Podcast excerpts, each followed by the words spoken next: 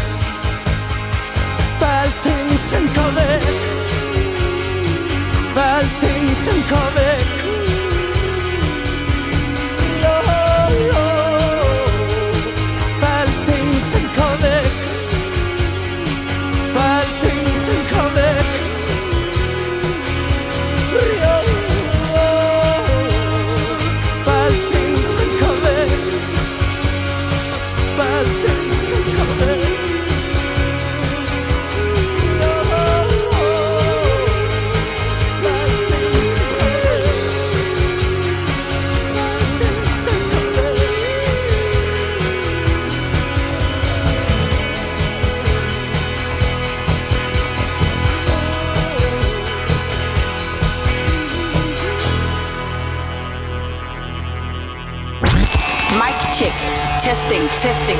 One, two, one, two. The Sex Beat. Er der derude? Check, check, check. Mere monitor. monitor. monitor. Velkommen til Mere Monitor på P6 Beat.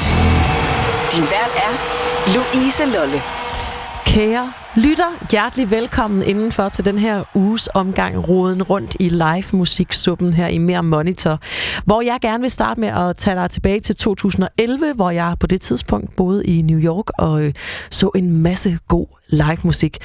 Og som det ofte er, når man er langt væk hjemmefra, så bliver øh, man ret varm om hjertet, når øh, noget hjemmefra melder sig på banen.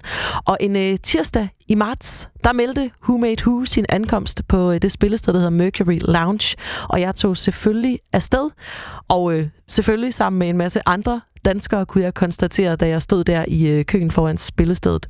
Det var første gang, jeg skulle se dem live, men det blev altså ikke sidste gang, for jeg blev fuldstændig blæst bagover over deres evne til at komme ud over scenekanten og lave en kæmpe fest. De stod der med deres øh, bowler hatte og et kæmpe smil og fik dansegulvet til at bevæge sig lige fra start og til allersidst.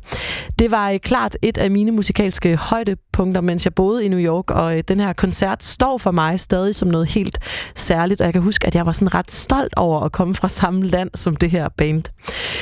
I løbet af de næste par timer, der skal det handle meget mere om live musik, og vi skal blandt andet tale med P6 Beat-lytteren Jeppe om lidt. Han har to fede koncertoplevelser med til os. Vi skal også tale om en øh, koncert, der kan gå hen og blive en af de helt store oplevelser den her sommer, nemlig Foo Fighters, der spiller i fængslet i Horsens. Og så skal vi selvfølgelig høre masser af god live musik. Først så skal vi altså have et stykke musik, som for de øh, flestes vedkommende som et minimum sætter gang i et lille vip med, med foden. Nemlig et band, som jeg øh, første gang dansede live til i øh, 2011 i New York. Her skal vi have Who Made Who med Inside World, og hermed endnu en gang rigtig hjertelig velkommen indenfor her i Mere Monitor.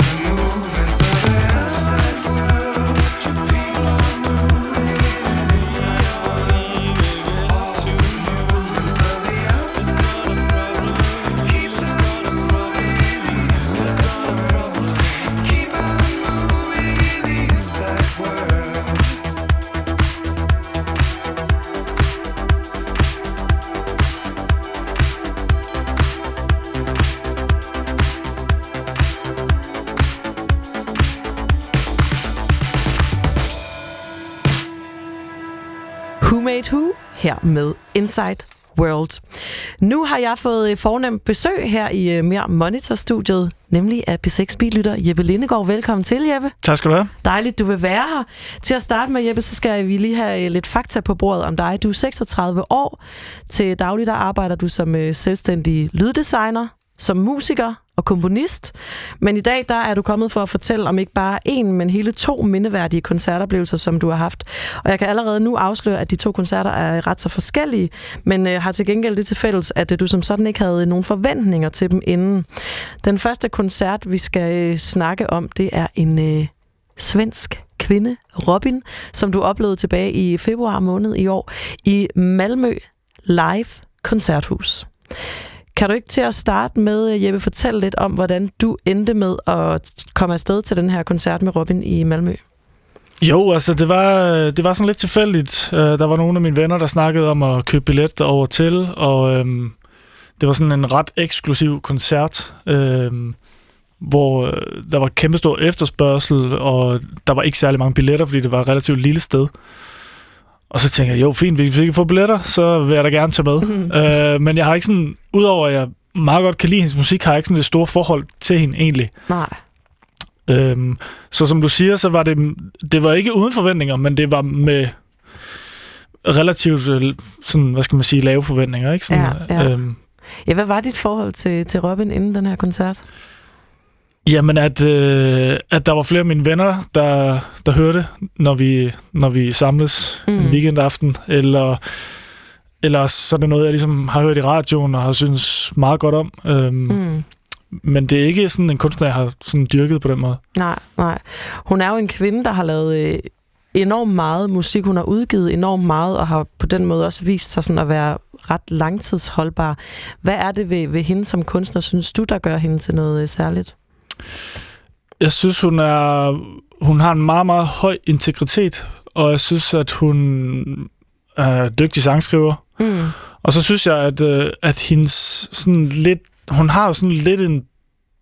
Jeg ved ikke, om man kan kalde det banal stil, men det er meget sådan let forståelige tekster, og det er meget sådan relativt nemt at, at gå til for en hver. Mm. Der er ikke så meget øh, at misforstå i mange af hendes tekster, synes jeg ikke. Og så har det bare sådan en umiddelbarhed og en, en poppet i ørefandlet klang, som, som jeg tror mange, øh, hvad skal man sige, øh, responderer godt på. Mm. Jeppe, vi skal jo øh, tale mere om øh, koncerten, som du så ender til, og vi ved jo allerede nu, at det var en fed koncert, for ellers vil du ikke sidde her og fortælle om den. Men hvordan det hele folder sig ud, det skal vi øh, snakke om om lidt. Først så skal vi lige have noget musik med hovedpersonen, nemlig Robin, og vi tager en øh, live-optagelse med hende fra øh, 2011, hvor hun gav koncert i Oslo. Her er det Dancing on My Own.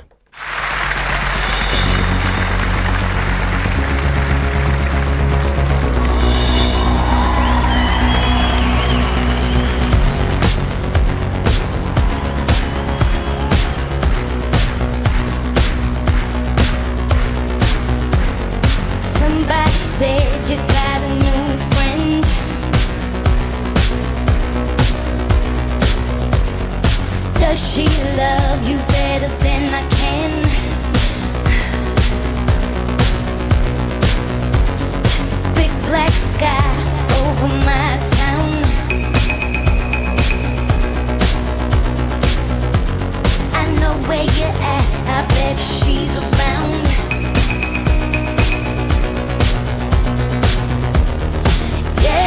know.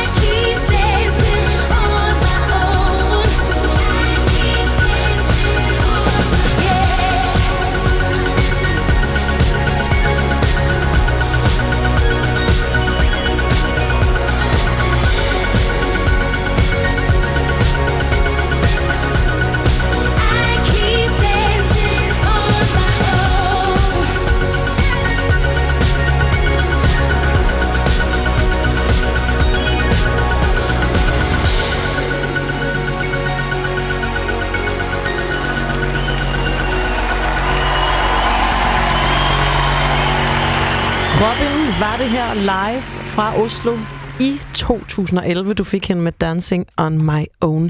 I anledning af, at øh, du Jeppe Lindegård er min gæst i dag, og altså havde en øh, mindeværdig koncertoplevelse med selv samme artist i Malmø tidligere i år. Jeppe, vi har allerede talt lidt om, øh, hvordan du endte til den her koncert. Det var sådan lidt en uh, tilfældighed, og om dit uh, forhold til Robin og hendes musik, som du ikke sådan havde dyrket vildt meget.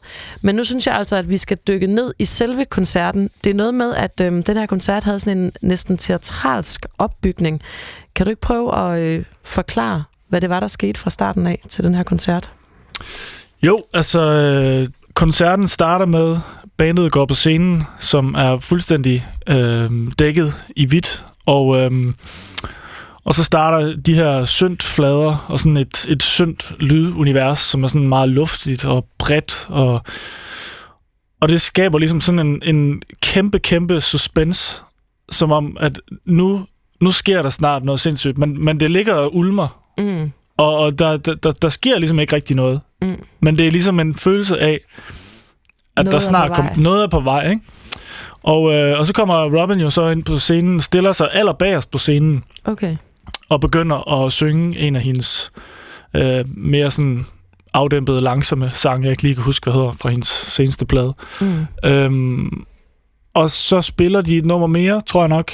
Og der er ligesom sådan hele tiden en, en, sådan en, en, en tilbageholden følelse noget bliver holdt tilbage, ikke? og så som tredje nummer, bang, så spiller de Indestructible, som jo er et af hendes allerstørste hits. Og der ligger sådan et, øh, der hænger sådan et, øh, et, øh, et hvidt, gennemsigtigt øh, scenetæppe, sådan, øh, der går sådan halvvejs ned til gulvet, som så øh, bliver sluppet, og bliver ligesom, der, så, og så kommer der røg, og der kommer lys, og der kommer mm. alting, og så starter omkvædet på Indestructible, som udover bare sådan at være en fantastisk ørehændingssang, men ligesom også, hvis man skal gå sådan lidt musiknørdet til det, den har sådan en sjov modulation, som ligesom bare føles, wow, nu sker der noget vildt, ikke? Altså det har ligesom sådan en klang af skift, ja, okay. og derfra, der var der bare kæmpe kuldegysninger, og øh, altså hele salen bliver lyst op, alle synger med. Øh, det, var, det var sindssygt medrivende, simpelthen. Og øh, og så efter det nummer spiller hun så Hang With Me, som jo også er et af hendes allerstørste hits, og så tænker man bare, wow, altså, det er for sindssygt at starte sin koncert som, altså med, med, nummer, tre, med ja. nummer 3 og nummer 4 med to af hendes allerstørste hits. Mm. Det synes jeg var virkelig, virkelig fedt. Mm. Altså, så havde man sådan en fornemmelse af, hold da kæft, så er vi i gang, ikke? Ja, ja. Øhm, ja. Du har også fortalt mig, at der øh, sådan i forbindelse med, med sceneshowet til koncerten også var, var nogle sådan lidt anderledes øh, elementer. Kan du ikke prøve at sætte lidt flere ord på, hvad det var, der skete på scenen? Jo, øh, hun havde sådan en, øh, en, øh, en danser med, en mandlig danser, som sådan, øh, han startede med at få sådan et lille intermezzo, hvor han bare stod og øh, jammede, mens hun var ude og skifte tøj, ikke? Og så blev han ligesom øh, inkorporeret i, i hele koncerten og sceneshowet, og de havde sådan nogle passager, hvor de sådan... Altså, det, det, det var sådan en følelse af, at det var meget fri dans. Hvilket jeg synes var sindssygt befriende, fordi tit når man ser dans, eller det er i hvert fald det, jeg lægger mærke til, så er det typisk indstuderet, og det er tjekket og, og timet tilrettelagt og sådan noget. Det her det var bare ren impro, havde man en følelse af, ikke? Mm. Og de havde sådan nogle passager, hvor de sådan nærmest øh, dance, danse øh, battlede mm. mod hinanden, øh, og de fik sådan, du ved, måske fire takter hver, hvor de så øh, kastede deres bedste moves afsted, ikke? Og det, det var det var sindssygt befriende at kigge på. Og meget dragende, og sådan et helt nyt aspekt til sceneshow, jeg ikke lige har set før. Som, øh, som jeg synes var helt vildt, helt vildt fedt at se på. Og sådan mere løssluppen. Meget mere, ja. ja. Øhm, hvis du skulle udpege et øh, øjeblik fra koncerten, hvad, øh, hvad skulle det så være, altså sådan, som, som står sådan ekstra øh, tydeligt for dig her? Jamen altså, jeg tænker umiddelbart, da de spiller Indestructible, det var, det var helt klart et højdepunkt. Mm. Øhm, det må jeg sige. Og netop især på grund af det drama og det suspense, der ligesom var blevet opbygget til. Ikke? Det, det var ret enestående. Men så synes jeg også bare sådan mere generelt, at, at det, var, det var sindssygt fedt at, at se, altså de jo spiller sindssygt godt alle sammen, men det var også med sådan et kæmpestort overskud, og det var med en, en, en, en sådan respekt for musikhistorien, følte jeg. Altså hun er meget nutidig, synes jeg, som kunstner, men der var hele tiden sådan små referencer og hilsner til 80'erne og til 90'erne især. Mm. Øhm, som bare var, var leveret helt vildt overbevisende. Øh, samtidig med, at det er nutidigt, ikke? Mm. Øh, hvis det giver Så, øh, så professionelt bygget op, lyder det til. rigtig meget. Og, og, og bare hele sounden, den, den skiftede også karakter. Ja. Øh, nu ved jeg godt, jeg kører lidt ud af spor. Øh, Nej, det er så men, fint. Men, men altså, altså det, det var ikke sådan øh, dance-musik fra start til slut. Der var også nogle sådan 90'er trip-hop, øh, urban, øh, sådan mere loop, øh, sådan Massive Attack-agtig øh, Okay. øh, sound, og øh, ja, der var, der var bare i det hele taget sådan meget forskelligt. Og Så man følte ikke, at man bare fik øh, Robin, som hun lyder på plade. Man fik øh, alt muligt ekstra som publikum. Ja, det var den følelse, man fik. Altså, nu har jeg Mm. ikke lyttet til hele hendes øh, bagkatalog, så det kan da, det, jeg tager ikke lige helt, øh, hvad skal man sige, lægge ud på bloggen der, men, men, men det var i hvert fald den følelse, man havde, at man, altså for at bruge det lidt for tærsket udtryk, så var det, det var virkelig en rejse, man blev taget med på, følte man, Mm. som, som gik op og ned, og Det lyder super fedt, og du er vildt god til at fortælle om det. Det er som om, man var der selv. Jeg vil, jeg vil gerne lige øh, slutte af med at, øh, at spørge dig, hvor højt den her øh, koncert rangerer på din liste over bedste koncertoplevelser.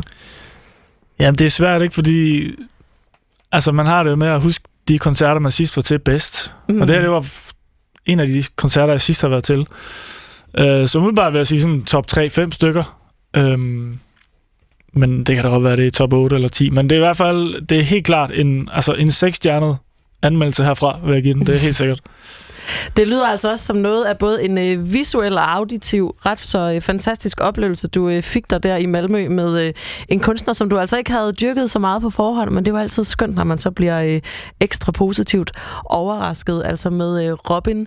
Vi skal tage afsked med Robin for nu, Jeppe, fordi der er en anden koncert, vi også skal nå at øh, vente. En koncert, hvor at, øh, forventningerne heller ikke var sådan skruet kæmpe meget i vejret på forhånd.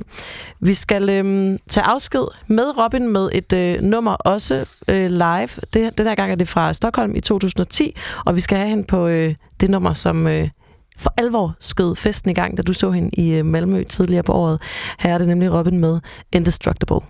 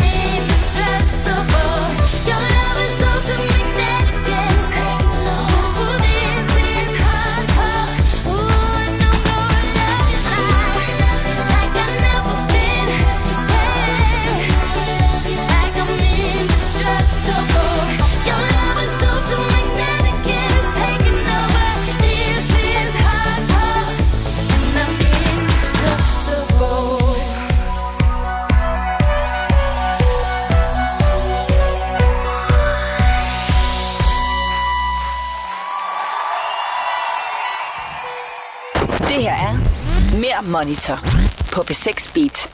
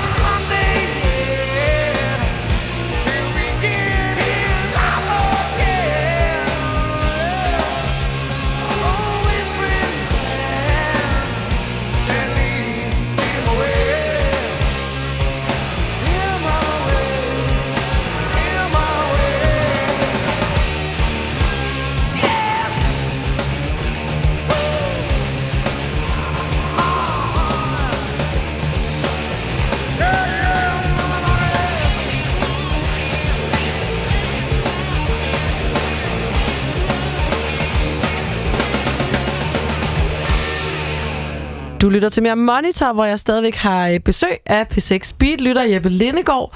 Og Jeppe, øh, vi har øh, netop talt om din koncertoplevelse med Robin, som øhm, du havde tilbage i februar måned i Malmø, hvor dine forventninger ikke var sådan øh, skyhøje, hvilket faktisk måske bare øh, gjorde den her koncert til en ekstra stor oplevelse for dig. Og nu skal vi faktisk til en anden koncert, som gjorde det samme, dog med en kunstner, som øh, befinder sig i et øh, noget andet musikalsk univers, tør jeg godt sige.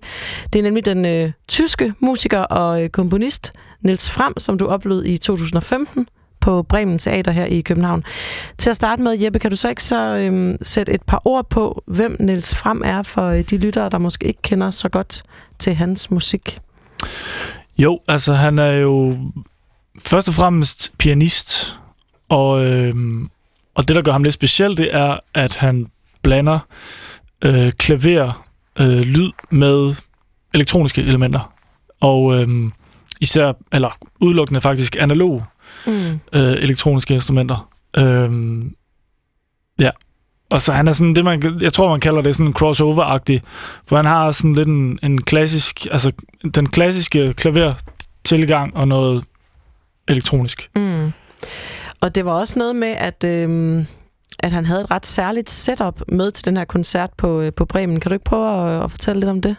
Jo, øhm, altså han har flyl med, og, øhm, og så har han øh, nogle af de her forskellige analog synths, øhm, som står rundt på scenen, og som han han ligesom, altså han kører sådan et, altså han, er, han har jo kun sig selv på scenen, så han spiller med sig selv, og mange af de ting, han, han laver, bliver, han opbygger ligesom et loop Mm. øh, af nogle ting, og, øhm, og, og, og, hvad skal man sige, improviserer meget hen over det, Mm. øhm, med forskellige syndinstrumenter. Mm. Øhm, og så er der også noget med, at han havde et ovl med.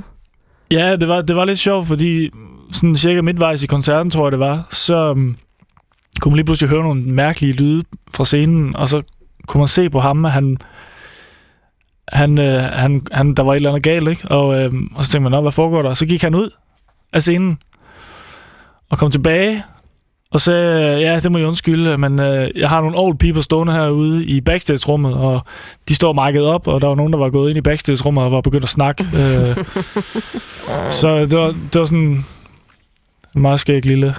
Så fik han ligesom øh, sat dem på plads og kunne fortsætte koncerten. Men han har altså ekstremt meget gear med, og jeg forestiller mig også, at han må have ret travlt med ligesom at styre alle de her sinds og ovler og flyl og så videre. Hvordan er hans kontakt sådan ud til publikum øh, til sådan en koncert? Ja, men altså, man kan sige, den er måske ikke så... Nu snakker vi før om Robin. Øh, den er måske ikke så udadvendt som Robin, men man har stadig en følelse af, at han er sindssygt nærværende. Mm. Og han er, altså, han er fuldstændig væk i musikken. Mm. Og på en eller anden måde er det faktisk jo også dragende. Mm. At man kan se på et menneske, øh, der er fuldstændig opslugt og, og ind, indlever 100% i musikken. Så på en eller anden måde er det ligesom det, der er hans ting Mm. i, i hans øh, sådan, hvad skal man sige, performance. Mm.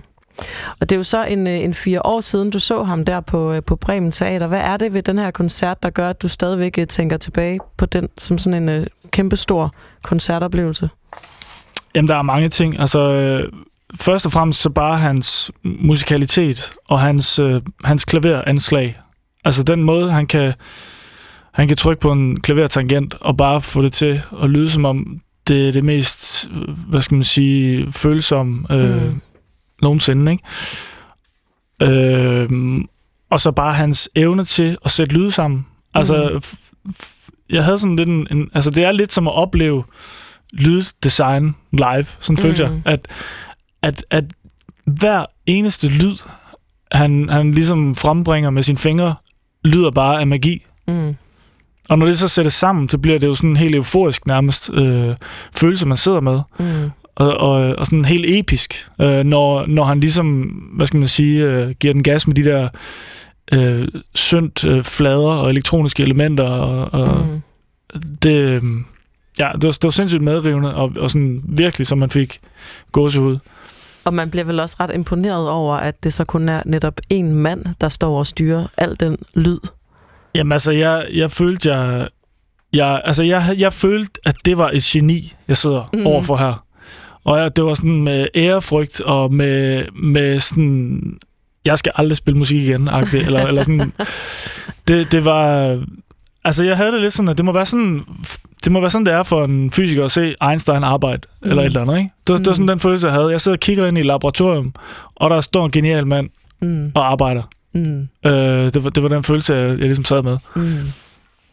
Heldigvis så afholdt det dig ikke fra at øh, spille musik selv igen bagefter, Jeppe, ved jeg. Men øh, det lyder som en fuldstændig fantastisk oplevelse, du altså havde øh, i maskinrummet hos øh, Niels Frem, frem tilbage i øh, 2015 på Bremen Teater. Det har været en kæmpe fornøjelse at have dig på besøg, og jeg får sindssygt meget lyst til at tage direkte til en Niels Frem-koncert. Jeg må se, øh, hvordan og hvorledes, hvornår det kan lade sig gøre. Men øh, tak fordi, at du vil komme forbi og fortælle om de her to, altså meget forskellige, men øh, begge to imponerende øh, koncerter med Robin og øh, Niels Frem. Og jeg vil selvfølgelig spille dig ud med et øh, nummer af Niels Frem. Vi skal have ham øh, med et nummer fra det album, der hedder Felt. Du får ham med Familie, og så vil jeg ellers bare sige tusind tak, Jeppe Lindegård, fordi Tak. du ville komme forbi i dag.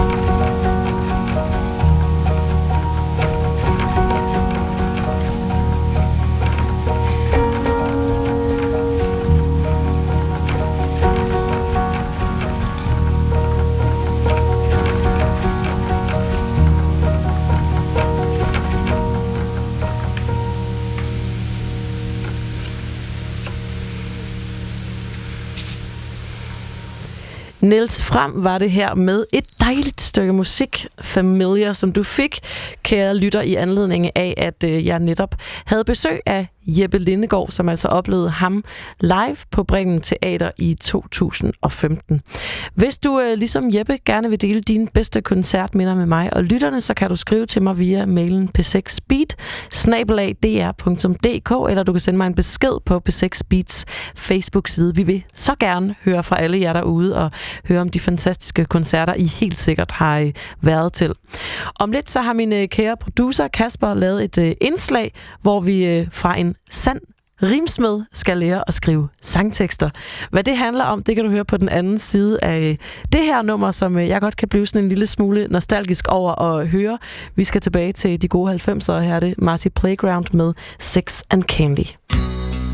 hanging round downtown by myself, and I had so much time to sit and think about myself. And then there she was, like double cherry pie.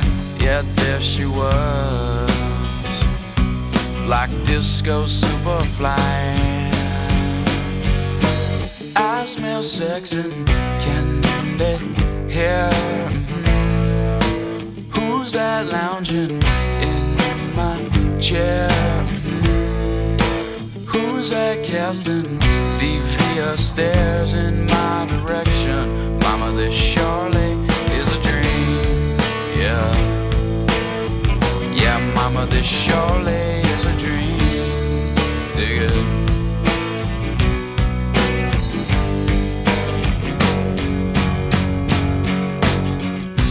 hanging around downtown by myself, and I've had too much caffeine, and I was thinking about myself, and then there she was in platform double suede, yeah, there she was like disco lemonade. I smell sex and candy here. Who's that lounging in my chair? Who's that casting devious stares in my direction? Mama, this surely is a dream. Yeah, yeah, Mama, this is a dream. Yeah, yeah Mama, this is a dream. Yeah.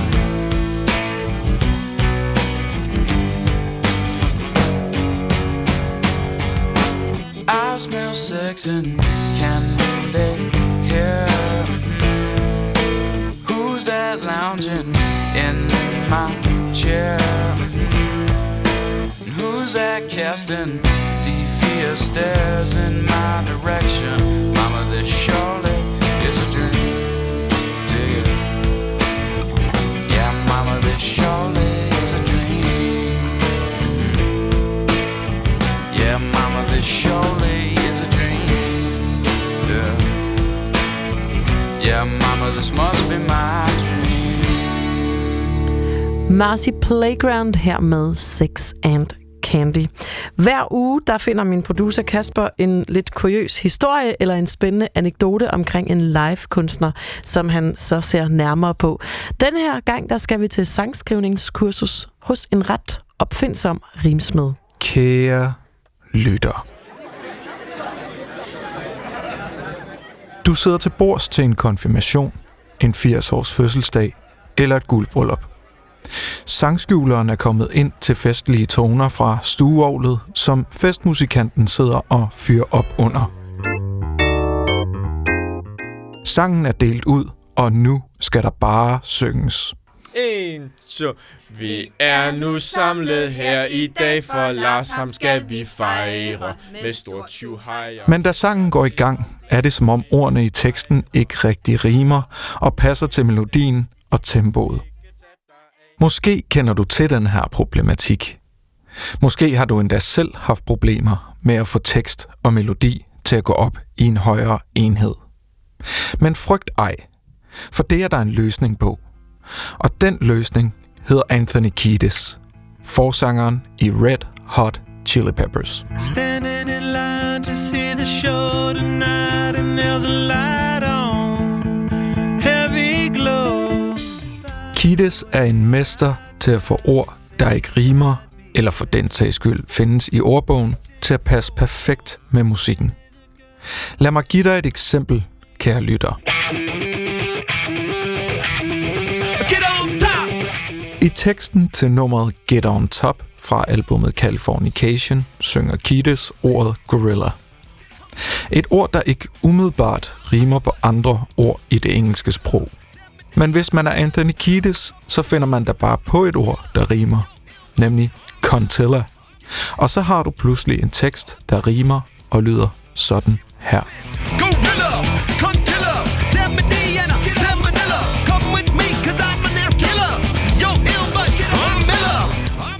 Jeg vil ikke komme nærmere ind på mine fortolkninger af, hvad Contilla betyder, men næste gang du står og fumler med ordene og rimene til din sangtekst, så giv dig lige Anthony Kiedis et kald. Han kan helt sikkert hjælpe dig med at finde på nye ord, der rimer mere end du tror. Fik du den? Ord, tror. Ja, vi fik den, Kasper. Det var et rigtig flot lille rim, du fik der til sidst. Endda med rigtige ord. Øh, vi kan altså konkludere, at hvis man øh, har et ord, der er svært at rime på, så finder man da bare på et nyt ord, som rimer perfekt. Hvor svært kan det være? Øhm, et andet ord, der er ret svært at rime på, det vil jeg lade op til jer lyttere og forsøge at gøre, det er radiovis. Sådan en får du om lidt, men øh, først så skal vi selvfølgelig have et øh, live-nummer med øh, Red Hot Chili Peppers. Du får dem live fra Hyde Park i London i 2004 med Throw Away Your Television.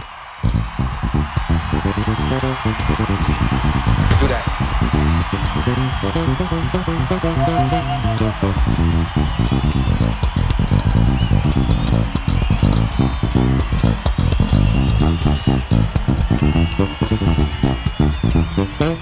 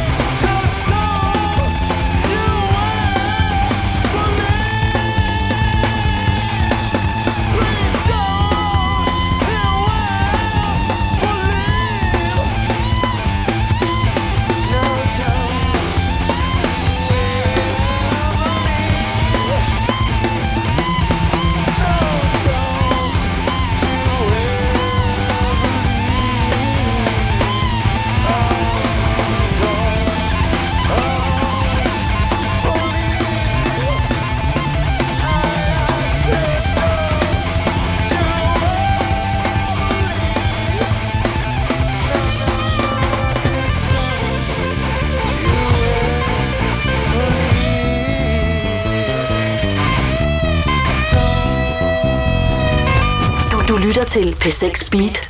Nu er der radioavis. Der er gode muligheder for, at de 200 medarbejdere, som bliver ramt af nedskæringer hos olieselskabet Total i Esbjerg, hurtigt kommer i arbejde igen. I dag varslede Total, at selskabet nedlægger 200 stillinger til efteråret, når de to Tyra-felter i Nordsøen tages ud af drift for at blive renoveret. Og hvis fyresedlerne rammer folk i produktion, produktionen, så vil de hurtigt få et nyt arbejde, vurderer kontorchef Frank Sørensen fra Jobcenter Esbjerg. Hvis vi snakker håndværkere, ingeniører og andre med en faglig baggrund, så, så ser det godt ud. For der er masser af virksomheder, som mangler den type kvalificeret arbejdskraft. De vil typisk øh, komme i arbejde inden for energisektoren. Øh, Det kan være vind, og det kan være gas.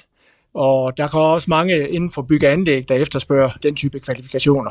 Til gengæld bliver det lidt sværere, hvis fyresedlerne rammer medarbejdere i administrationen, men i det tilfælde er Jobcentret Esbjerg klar med efteruddannelse, lover Frank Sørensen. Vi har midler til at opkvalificere dem ind i brancher, øh, hvor der efterspørges arbejdskraft. Det kan være, at der er noget kontorpersonale, der ligefrem benytter lejligheden til at sige, nu vil jeg prøve noget helt andet, og det støtter vi så op om. Netop nu sidder EU's 28 stats- og regeringschefer og forhandler om flere af EU's topposter, blandt andet hvem der skal være den næste kommissionsformand.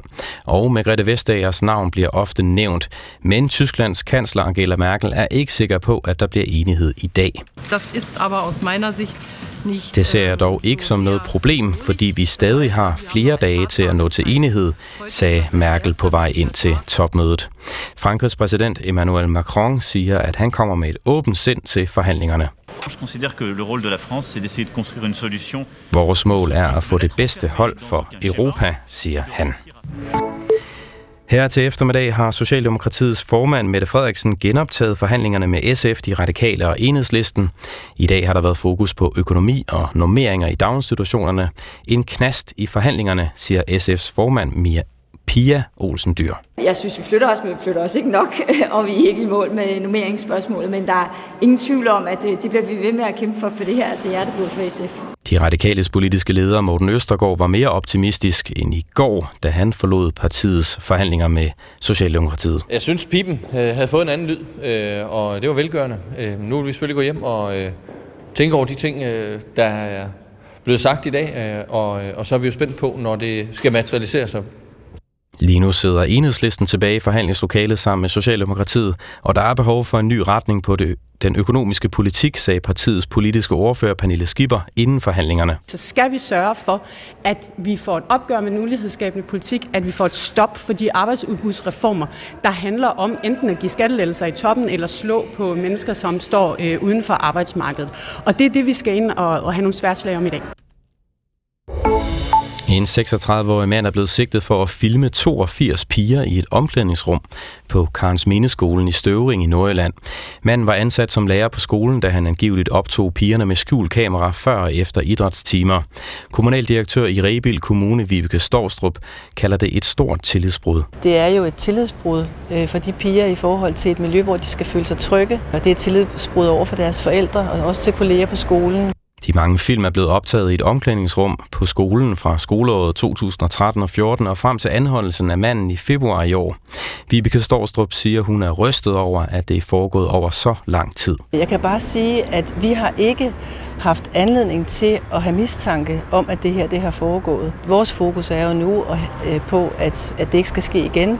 Der er ikke fundet tegn på, at optag- optagelserne er blevet delt, eller at den tidligere lærer har forgrebet sig på børnene. Det er en træls sag, siger byrådsmedlem i Bilund Kommune, Lars Hansen. Han er blevet ekskluderet fra Venstre, fordi han i maj ikke vil stemme for, at kommunen skal holde grundlovsceremonier, hvor folk tvinges til at give håndtryk, før de kan få et dansk statsborgerskab. For mig er det udemokratisk og uliberal, og, øh, og det er symbolpolitik, og det er jeg ikke til. Det blev, det blev indført ved lov den 1. januar, at man skal give hånd for at kunne blive dansk statsborger. Lars Hansen har desuden skrevet læserbrev om sagen, uden at informere sine partifælder om det. Det samt andre sager og samarbejdsproblemer er skyld i eksklusionen, lyder det fra Venstres Kommuneforening i Bilund. Men det undrer Lars Hansen. Det er jo ikke fordi, at, øh, at jeg har fået advarsler af libetum, og jeg ved ikke hvad. Der har ikke, jeg føler ikke, der har været noget i den her periode, hvor, at, hvor vi ikke er blevet enige i gruppelokalet. Lars Hansen, han er nu løsgænger. I aften og nat holder det tørt for det meste, og de fleste får klart vejr, og så falder temperaturerne i nat til mellem 10 og 15 grader. Slut på eftermiddagens radioaviser, der var sat sammen af Bjørn Bymand. Velkommen til, til B6 Beat.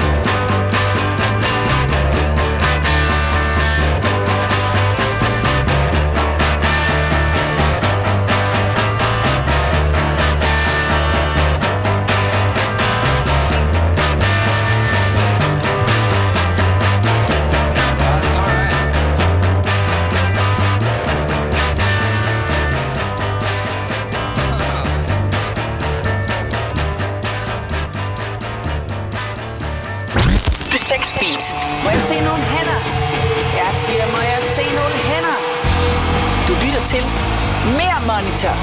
Mærk lyden. Din vært er Louise Lolle. Velkommen tilbage indenfor, kære lytter til Mere Monitor, hvor vi heldigvis stadigvæk har en helt skøn time til at dyrke det, vi alle sammen værdsætter så højt, i hvert fald her i programmet, nemlig live-musikken. I den her time, der skal det blandt andet handle om The William Blakes. Vi skal forbi en øh, ikonisk fængselskoncert. Og om lidt, der får jeg endnu en gang fornøjelsen af at få min øh, kære kollega Anders Bøtter på besøg i studiet, som vil komme og fortælle lidt om Foo Fighters i anledning af deres koncert i Horsens på tirsdag. Alt det og meget, meget mere kaster vi os ud i på den anden side af Tame Impala, som vi skal have her med Reality in Motion.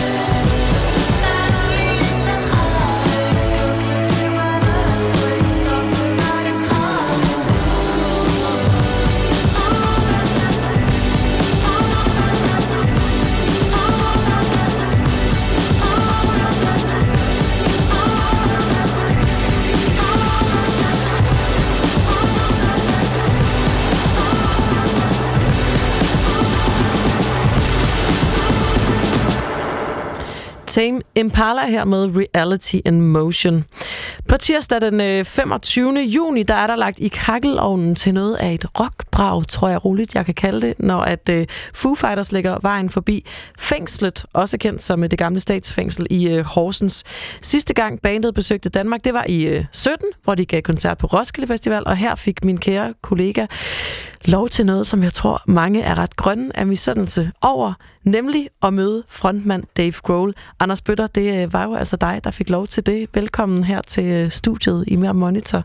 Vi skal... Øh, Øh, tusind tak skal du have. Tak fordi jeg må være med. lige op for din mikrofon. Ja, ja, ja, ja. Det er dejligt, at du er her, Anders. Og øhm, ja, jeg kunne rigtig godt tænke mig at øh, tale lidt om det her møde med Dave Grohl, men vi skal mm. selvfølgelig også snakke om øh, Foo Fighters i det hele taget, nu hvor de altså kommer forbi Danmark lige om lidt. Kan du ikke starte med, Anders, bare sådan helt øh, generelt at sætte nogle ord på, hvad det er, der gør Foo Fighters til noget helt særligt? Jamen det der med Foo Fighters, det er, hvis man skal sætte et ord på dem, ikke, så er de overlevere øh, af Guds nåde. Altså de, de har overlevet øh, grunge-tiden, og det er der altså ikke mange bands, der kan sige, de har, uden mm. enten at miste en forsanger i svinget, eller gå helt i opløsning og, og så videre. Ikke? Altså det er jo over hele linjen. Chris Cornell fra Soundgarden er død nu, Kurt Cobain tog sit liv tidligt, forsangeren for Alice in Chains, øh, det var stofmisbrug og en overdosis og så videre, og så videre.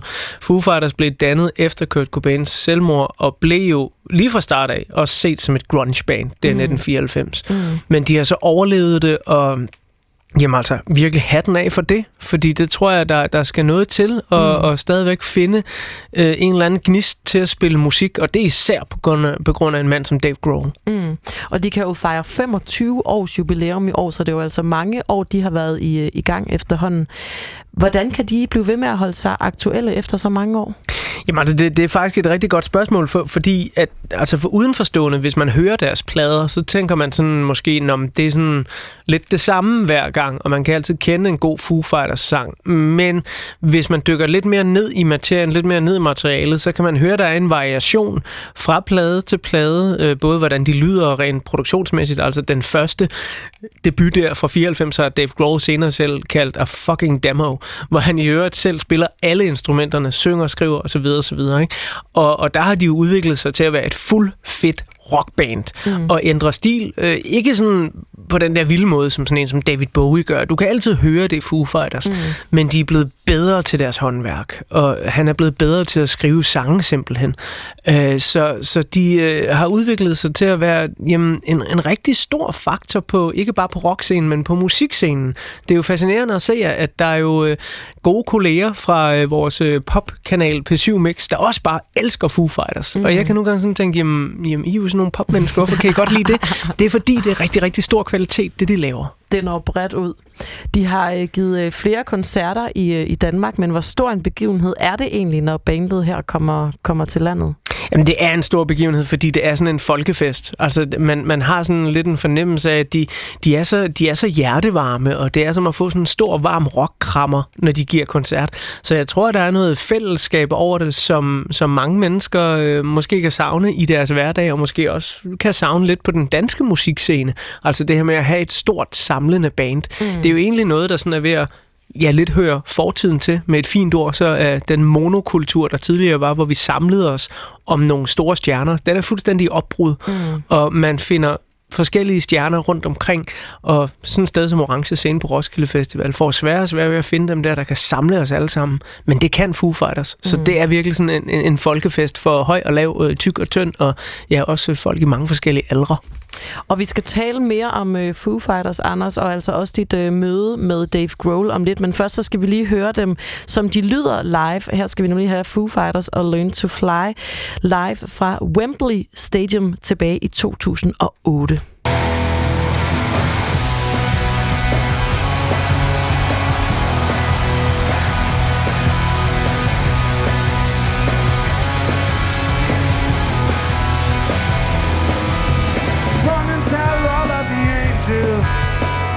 Could take all night.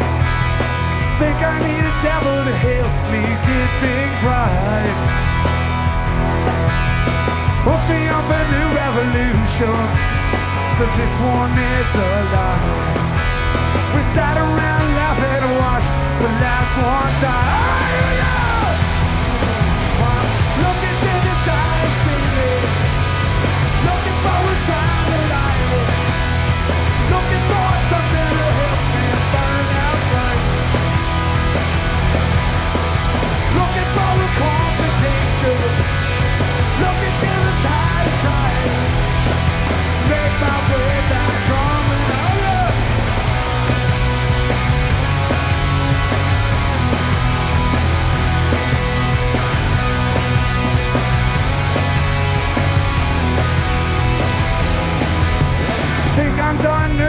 Patience. It can wait one night. Give it all away if you give me one last try. And we'll live happily ever trapped if you just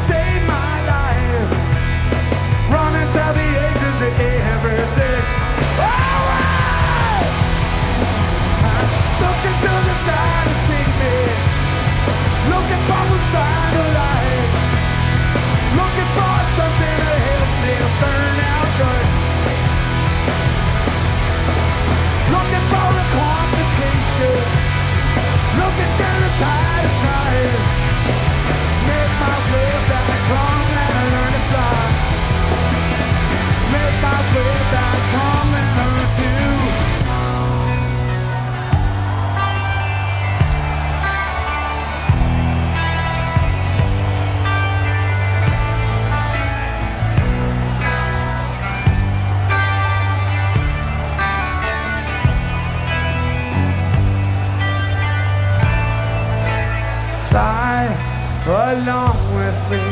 I can't quite make it alone. Try to make this life my own.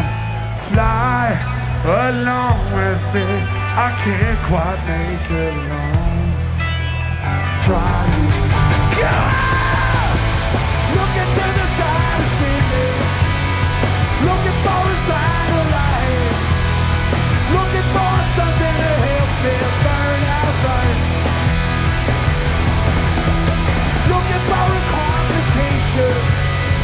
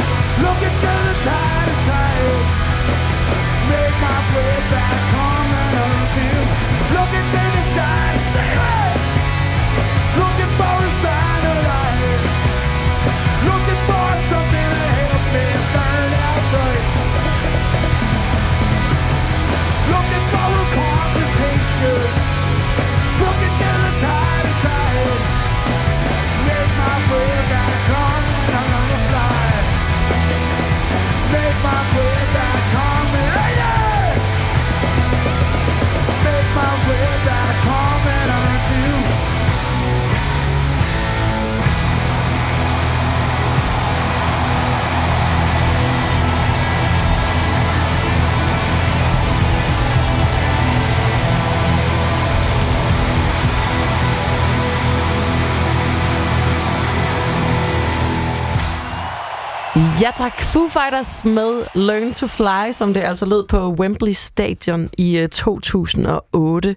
Og du fik Foo Fighters i anledning af, at øh, bandet jo giver koncert på tirsdag i Horsens i fængslet derovre. Og jeg har øh, dig, min kære kollega Anders Bøtter, på besøg her i øh, Mere Monitor, for lige at øh, fortælle lidt mere om det her band. Du har oplevet dem live, og så fik jeg jo også nævnt tidligere, at du mødte Dave Grohl, da de øh, besøgte Danmark i øh, 2017 og gav koncert på Roskilde Festival. Yeah. Hvordan var Dave Grohl? Fortæl os om det. Jamen han var, hvis man kender Dave Grohl og, og ligesom læser, hvad man nu læser på rygtebørsen og hører, at han har tilnavnet The Nicest Man in Rock and Roll, så var han fuldstændig, som man forestiller sig. En glad, imødekommende, meget varm, meget inkluderende person, som så også til det her interview, det ved jeg ikke, om han har kutume for at gøre, men han gav rigtig meget af sig selv.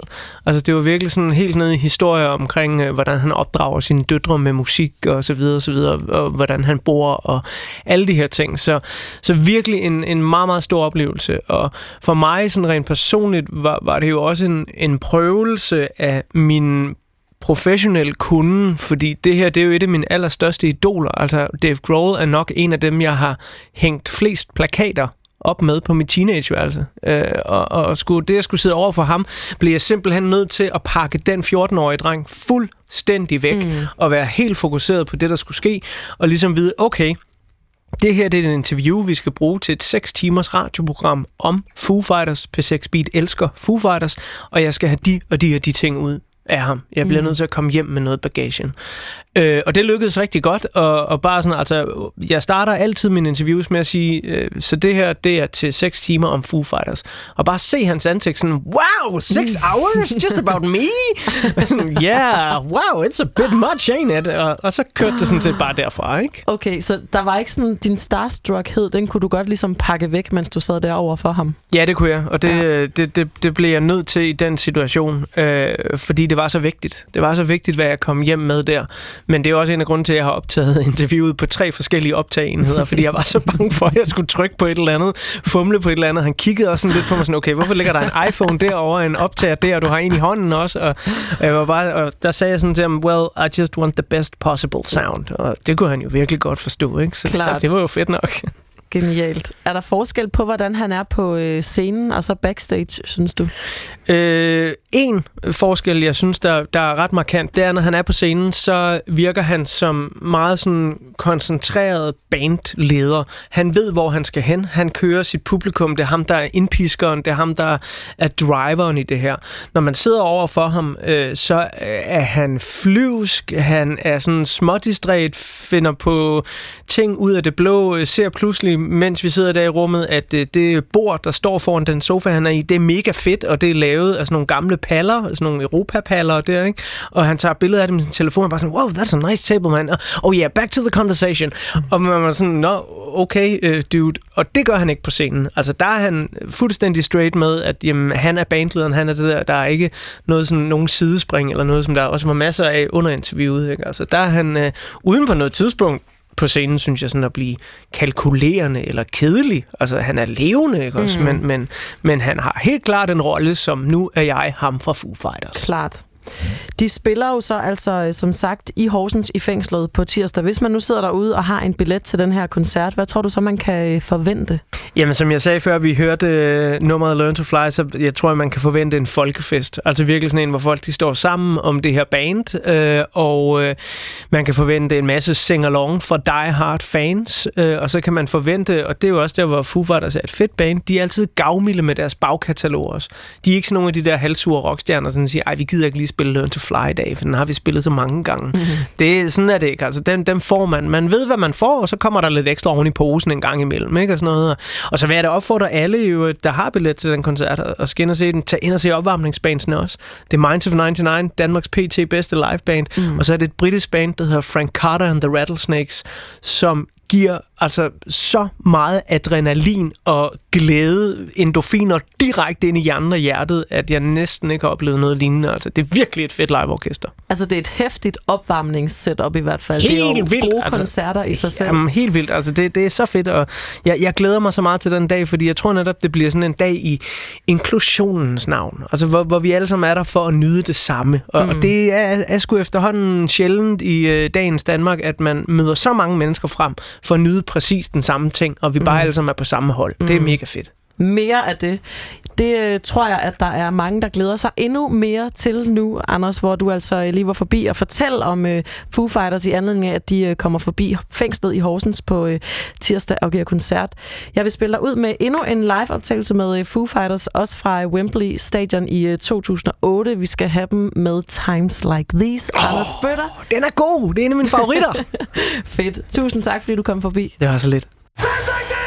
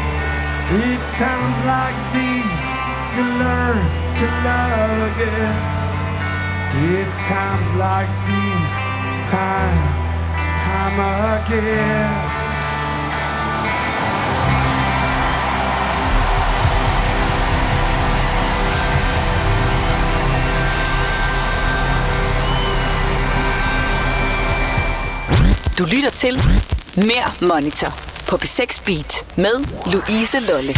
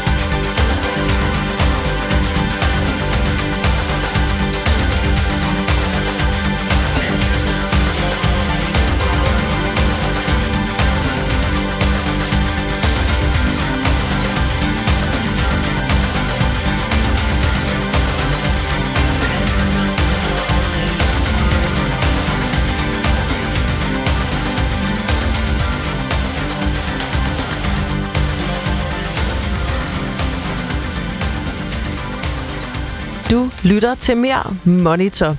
Tilbage i april måned, der aflyste The William Blakes deres forårsturné på grund af sygdom.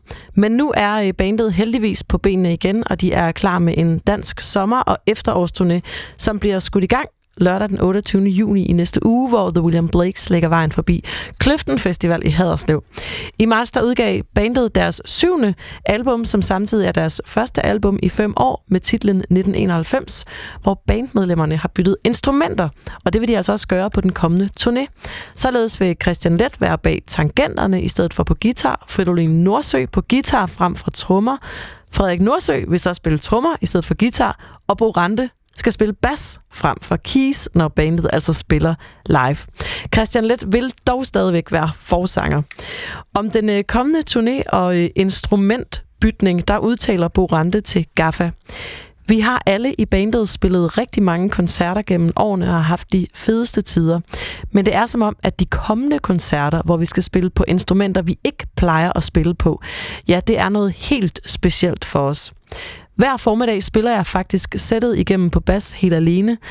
Nu glæder jeg mig helt vildt. De andre slutter sig til mig i slutningen af måneden, hvor Christian er i Danmark igen. Det bliver en kæmpe fornøjelse at komme rundt i landet og spille. Den kommende turné starter som sagt på næste lørdag, altså den 28. juni, og vil bringe bandet hele 16 forskellige steder rundt i landet. Blandt andet så lægger de vejen forbi Grimfest i Brabrand, Tobakken i Esbjerg, Wonder Festival på Bornholm og Hotel Cecil her i København. Til at varme op til de her koncerter, synes jeg, at vi skal lytte til et nummer fra deres seneste plade, 1991. Her får du The William Blakes med Gone. Gone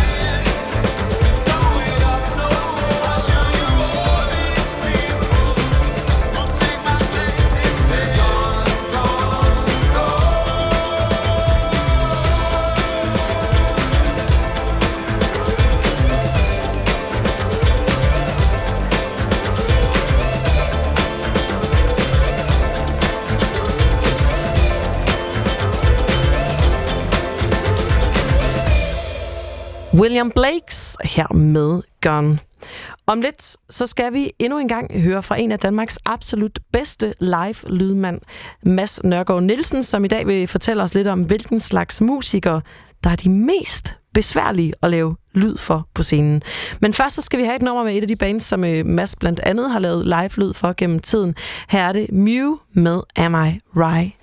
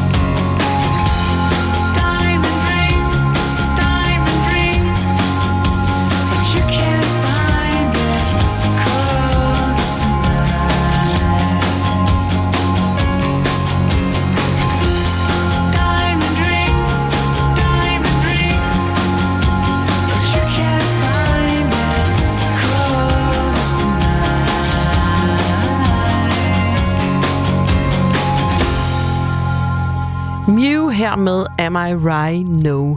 Nu skal vi nok engang have et lille indblik i arbejdet som live-lydmand, og det skal vi øh, med Mads Nørgaard Nielsen. Den her gang der fortæller han om, hvilken slags musikere, der er de mest besværlige at lave live-lyd for til koncerter. Og øh, det er jo altid forsangeren, der er mest besværlig.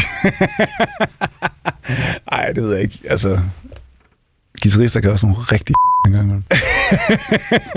Ej, men alle kan jo være besværlige. Altså, men igen, altså det, du kan også, øh, altså så længe du ligesom har, har overtaget sådan rent, øh, både psykologisk, men også sådan er på forkant med det, du laver, og du ligesom er på forkant, at du ikke ligesom famler rundt med det, eller har, hvis du ligesom er tjekket, så oplever jeg sgu sjældent, at der er nogen, der sådan er decideret, altså er svære. Altså, hvis man bare ligesom møder dem der, hvor de er, og ikke øh, prøver at, at presse noget ned over hovedet på dem, eller altså, så sådan er der også nogle teknikere, der er, ligesom bliver sure, hvis ikke det ligesom er, bliver på deres måde. Og man er der jo ikke for ens egen skyld, man er der for deres skyld. Altså, det er jo ligesom, man er blevet hyret af dem til at, så man er nødt til ligesom på en eller anden måde at prøve at sætte sig ind i, hvad, hvor, altså, hvor skal vi hen?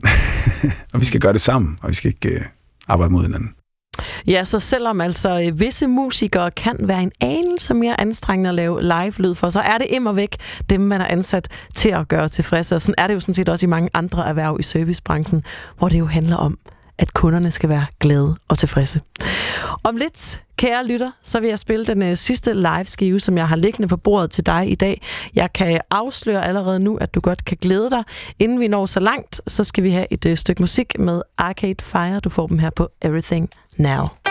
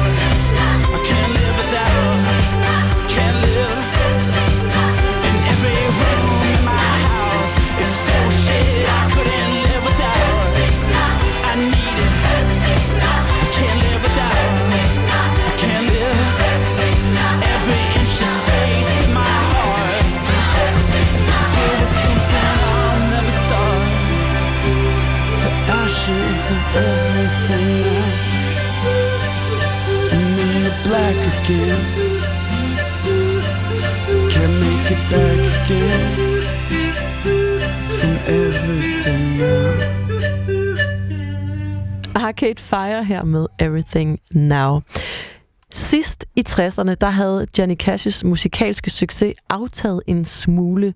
Han kunne stadig trække publikummer til sine koncerter, men hans amfetaminmisbrug havde haft betydelige negative konsekvenser for karrieren. Derfor, og så samtidig på grund af forholdet til sin fremtidige kone June Carter, valgte Johnny Cash at få sat en stopper for misbruget og bringe sin musikalske karriere på ret køl. Det var i den forbindelse, at øh, Johnny Cash kom på ideen om at indspille et live-album i Folsom State Prison, et topsikret fængsel i øh, Kalifornien fra 1880, hvor fangerne producerede nummerplader. Cash kendte stedet i forvejen, da han havde givet koncert i selv samme fængsel i 1966, og fangerne var ret så begejstrede for country-sangeren. Pladeselskabet derimod var bestemt ikke særlig begejstret for ideen, fordi live-albummer var dyre at lave og svære at efterredigere. Men med lidt hjælp fra Johnny Cash's gode og magtfulde ven, nemlig Bob Dylans producer Bob Johnstone, der fik optagelserne altså grønt lys. Efter to dages prøver kunne Johnny Cash således træde op på scenen kl. 9.40 den 13. januar 68 i Folsom Prisons spisesal 2 og spille sine to sammenhængende koncerter foran næsten 2.000 indsatte. Bakket op af sit øh, uh, backing band The Tennessee 3 lagde han ud med nummeret Folsom Prison Blues, hans hit fra 1956, som selvfølgelig havde enorm relevans for tilhørende, og han bragte sig på lige fod med det tændte publikum, så fængselsvagterne nærmest blev udelukket. Da han trodsigt vrælte Well, I laughed in the sheriff's face, and I spit in his eye, til billigelsesbrøl fra publikum var grænsen nærmest ved at blive overskrevet i nummeret 25 Minutes to Go. June Carter kom også på scenen og øh, sang med Johnny Cash på et par numre og gav en meget livlig version af parets varemærke duet Jackson. Hele showet rundede af med nummeret Greystone Chapel, en sang om Folsom fængslets kirke, som var skrevet af indsatte Glenn Shirley, der sad i fængsel for bankrøveri, og som øh, fængselspræsten havde givet Johnny Cash et bånd med en optagelse af dagen for inden. Glenn Shirley sprang forståeligt nok op fra sit sæde på forreste række af forbavselse, og Cash gav ham hånden og sagde, I hope I do your song justice, Glenn. Da albummet var færdigt og blev udgivet, der var pladeselskabet igen modvillig. Denne gang med at promovere albummet. Psykedelisk og kalifornisk rock var det mest populære musik i tiden, og de mente ikke, at øh, country blues live fra et fængsel ville sælge. Men de to grueligt fejl for publikum var alle vilde og henrygte over det her album, som blev en øh, kæmpe cellert og samtidig cementeret og udbredte budskabet om den sortklædte lovløse persona, som var en øh, central del af Johnny Cash's image. Med andre ord, der lykkedes det Johnny Cash at stable sin musikalske karriere på benene igen, og selvom han havde gjort flere comebacks inden, så gjorde han utvivlsomt hverken før eller siden et lige så stort comeback, som han altså gjorde med live-albummet Johnny Cash at Folsom Prison. Og det er med et nummer selvfølgelig fra den plade, at jeg vil takke af for denne her uges udgave af Mere Monitor, inden jeg gør comeback i næste uge, når vi er tilbage igen med programmet her. Her får du altså Johnny Cash live fra Folsom Prison i 68 med den indsatte Glenn Shirleys nummer Greystone Chapel. Tusind tak, kære lytter, fordi du lyttede med til Mere Monitor i dag.